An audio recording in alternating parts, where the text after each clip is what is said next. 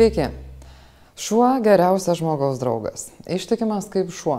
Šuns akise ne ašaros, bet žvaigždės. Ir amžius gyvojanti tautosaka ir banalūs posaikai taip kalba apie tuos mielus padarus, kurie prisiriša ir pririša juos mylinčiuosius taip, kad verčia krūptelėti, sužinojus apie bet kokį smurtą prieš bejėgį šunį arba kitą gyvūną. Čia priglaudėlėje jų šiuo metu maždaug šimtas. Nereikalingų, išmestų, paliktų, negydytų, kankintų. Lietuvoje yra įstatymas, kuris numato, kas ir kaip turi užtikrinti humanišką elgesį su gyvūnais, kas atsakingas už tai, kad jie būtų apsaugoti nuo žiauraus elgesio ir kankinimo. Tai vyriausybė, šešios ministerijos, viena maisto ir veterinarijos tarnyba ir viso 60 savivaldybių. Viena iš ministerijų - švietimo ir mokslo. Remiantis įstatymų įtraukia į švietimo programas gyvūnų gerovės ir apsaugos temas. Mes į laidą įtraukėme temą apie vienos mokytojo šunį. Palikta viena vidury laukų, sunkiai galinti judėti ir neprižiūrėta. Įstatymas žiaurių elgesio su gyvūnu ir jo kankinimu laiko veterinarinės pagalbos nesuteikime. Ačiū Jums labai, kai gyvūnui tokia pagalba būtina gyvūnų laikymą jų amžiaus netitinkančiomis sąlygomis, veiksmus sukeliančius gyvūnų žūtį, skausmą arba kančią. Už žiaurų elgesį su gyvūnais ir gyvūnų kankinimą asmenys traukiami administracinėn ar baudžiamojon atsakomybėn. Šioje istorijoje atsakomybėn patraukta ne šuns šeimininkė, dar kartą prisiminkime, kad pedagogė, bet gyvūnus globojanti savanorė.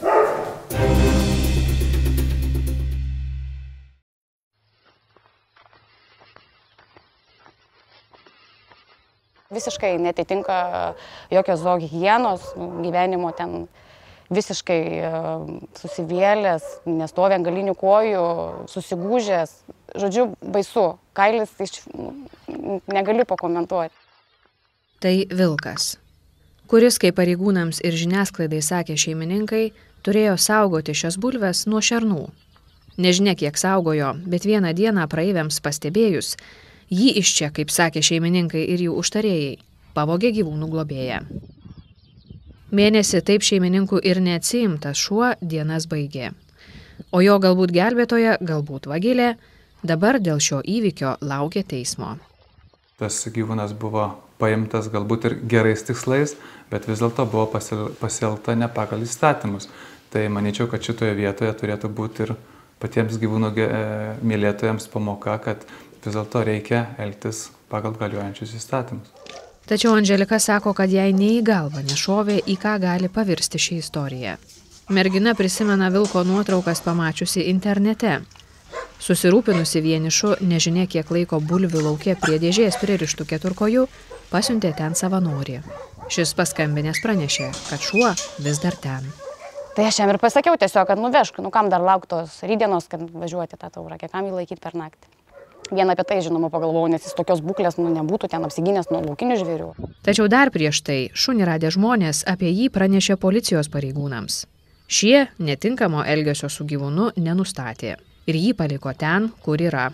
Rasti ir šeimininkai, kurie paaiškino, jog vilkas sargauja bulves nuo šernų saugo. Dėja, jie su mūsų laida kalbėtis nenorėjo. Išgirdusi, kodėl skambiname Vilko šeimininkė, ponė Danutė Ramanauskenė nusprendė, kad vis dėlto yra Darija, visai ne prie ko ir baigė pokalbį. Sunku pasakyti, kaip reikėjo padaryti, bet e, gal šitoje vietoje, kiek e, aš žinau, tai buvo iškviesta ir policijos pareigūnai, kurie taip pat įvertino šitą situaciją. E, taip pat buvo surastas savininkas, kuris nedelsant atvyko į įvykio vietą. Gal paprasčiausiai būtų užtekę pasišnekėti su savininkais, gal jiems paaiškinti, ką jie netai padarė. Galbūt tam šuneliui, kaip teigiama, kad ten nebuvo vandens, gal tik reikėjo paduoti vandens ir, ir paprasčiausiai juo labiau pasirūpinti ir galbūt viskas to pasibėgė. Tuomet, kai parsivežėm, vakarė parvežė, kitą dieną paskambinau Tarogės skyriaus vienvietė, pasakiau, jog šuniuką jau paėmiau ir prašiau jų pagalbos, ką turėčiau ten daryti toliau. Jie pažadėjo, jog su manim susisieks kažkuris inspektorius, ko nebuvo. Tuo metu, kai baigiau pokalbį su VMBT, paskambinau policijos pareigūnams. Iš trečio karto nukreipė mane tauragė. pasakiau, kad šuo yra pas mane, jeigu ieškotų šeimininkai. Manyčiau atviršiai, kad tikrai buvo sureaguota visų institucijų, tiek policijos pareigūnų atvyko jie nedėlisant į šitą įvykio vietą. Na ir manau, kad policijos pareigūnai taip pat yra kompetitingi, mes taip pat su jais labai artimai bendradarbiaujame ir aiškinamės kiekvieną atvejį. Ir aš manau, jeigu jie nematė kažkokių tai e, gyvūnų gerovės pažeidimų, ten žiauraus elgesio šito gyvūnų, jie ir neinformavo mūsų tarnybą. Aš ne kaip fizinis asmuo, aš kaip organizacijos vadovas, kuris jau virš dešimt metų turi ir gyvūnų prieglaudą, išsakiau savo nuomonę, laikiausi tokios pozicijos, kad be valstybinių institucijų žinios, tai yra be valstybinės veterinarijos, be policijos nurodymo, niekas neturi teisės paimti gyvūną. Veterinarai apžiūrėję vilką nustatė, kad šuns būklė iš tikrųjų buvo sunki. Kailis nušiuręs, jame daug molio, po kailių oda sušutusi. Nustatyti skausmai dubens srityje, sunkiai valdomos galinės kojos. Dėl tokios šuns būklės Angelika kreipėsi į pareigūnus, parašė skundą dėl gyvūno nepriežiūros. Deja, skundas buvo atmestas. Gal prie to prisidėjo tai, jog šun šeimininkų dukra dirba Vilniaus miesto apylinkės teisme.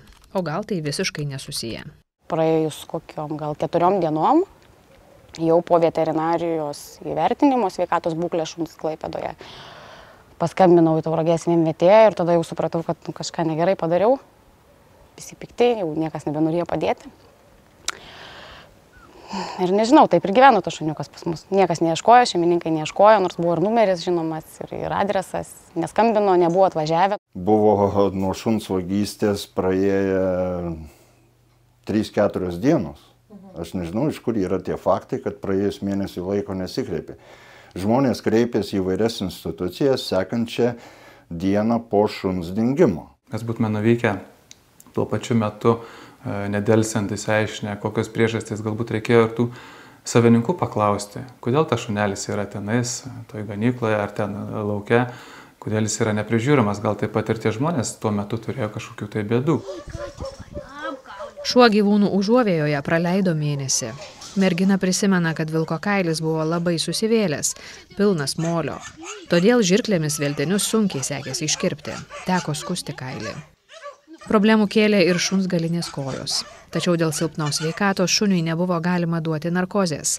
Todėl veterinarai negalėjo padaryti rentgeno nuotraukos ir įsiaiškinti, kodėl vilkas taip sunkiai vaikšto. Nors jo sveikata prieglaudoje buvo pagerėjusi, galų gale jis visiškai nusilpo.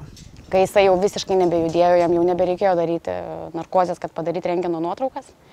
Kaune, kai padarė rentgeno nuotraukas, išaiškėjo, jog yra didžiulės ataugos, kurias remiasi į stuburą.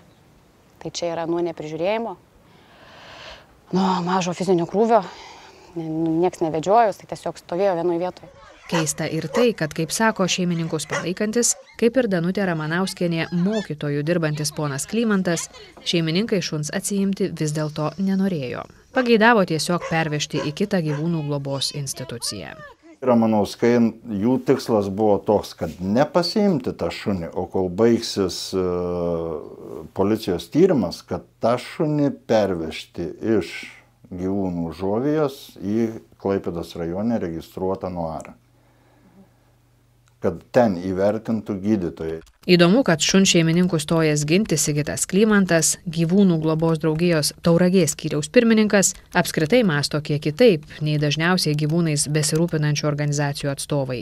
Nepritarė sterilizacijai, įtartas, kad beglobius į veislinius panašius šunis parduoda veisėjams. Tačiau jis tai vadina šmeištu ir sako, jog tai tiesiog neteisingai interpretuota istorija. Be to, šuns priežiūra jam emocinis dalykas. Matot, mes iš karto atskyrėm du dalykus. Tai yra gyvūno priežiūra. Tai yra tokie emociniai dalykai. Ar tu taip laikytum šunį, ar tu nelaikytum, ar tu vestum šunį šernų, e, saugoti bulves nuo šernų, ar nevestum. Tai yra vienas dalykas ir antras dalykas yra teisiniai dalykai. Aš nesuprantu, kaip žmogus, kuris vadovauja gyvūnų įstaigai, jisai gali eiti prieš gyvūną, kur yra akivaizdu, jog tas gyvūnas buvo visiškai neprižiūrėtas. Taigi ten baisu net ir dantenos visos, ir, ir visa mytyba, ir kaip ta mm, tariamoji šeimininkai įsireiškia, kad jisai buvo tikrai maitinamas, nes jeigu būtų nemaitinamas, jisai nebūtų svėręs 43 kg. Tai čia žmogui, kuris nesupranta, galbūt ir daug skamba 43 kg, bet jisai buvo patinas didžiulis ir jisai turėjo sverti bent jau kokius 55-60 kg. Jo vien ką, žinot, kas ten pasisvėrė, ne jisai pats, ten visiškai buvo po 3, po, įsivaizduokit, kailio vienas, vienas, vienas šonas, tai va tiek molio, tiek sluoksnių, net neiškirpsiu žirklę, mes kirpom, nu, ten pervargę visi. Tai ten vien molis vėrė. O dabar Angelika, toliau besirūpindama keliomis dešimtimis beglobių šunų ir kačių, laukia teismo, kur kiek anksčiau jai grėsė net baudžiamoji atsakomybė, nes, kaip sako ponas Klymantas, prokuroro iniciatyva žala šeimininkams padidinta nuo 100 iki 150 eurų, kad gyvūnų globėja tik su administracinė bauda neįsisuktų. O šiaip jūs matėte, nu, matėte įrašą? Aš, aš mačiau tą įrašą, aš mačiau, aš mačiau tą įrašą. Mačiau. Globėjų. A, jūs savo šunį taip laikytumėte? Mylimą šunį.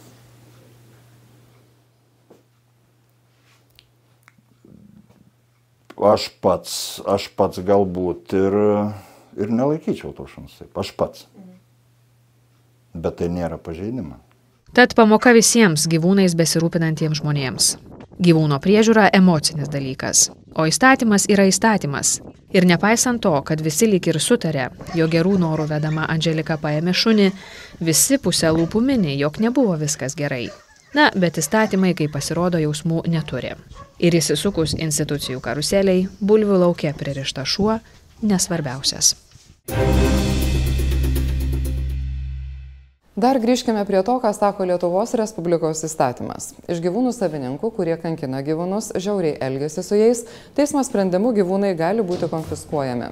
Kol teismas priims sprendimą, savivaldybės administracijos direktoriaus įgaliotas asmuo, dalyvaujant maisto ir veterinarijos tarnybos veterinarijos gydytojui, ir policijos pareigūnui, jeigu būtina užtikrinti viešąją tvarką, turi paimti tokį gyvūną ir perduoti jį gyvūnų globėjui ar kitokiu būdu užtikrinti gyvūno laikymą.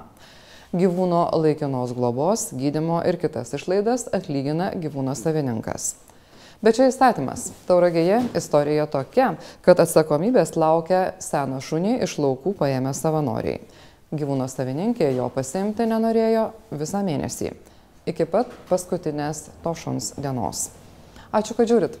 Šiandien ir visada galite paremti ne tik Laisvės televiziją, bet ir šią gyvūnų prieglaudą. Iki.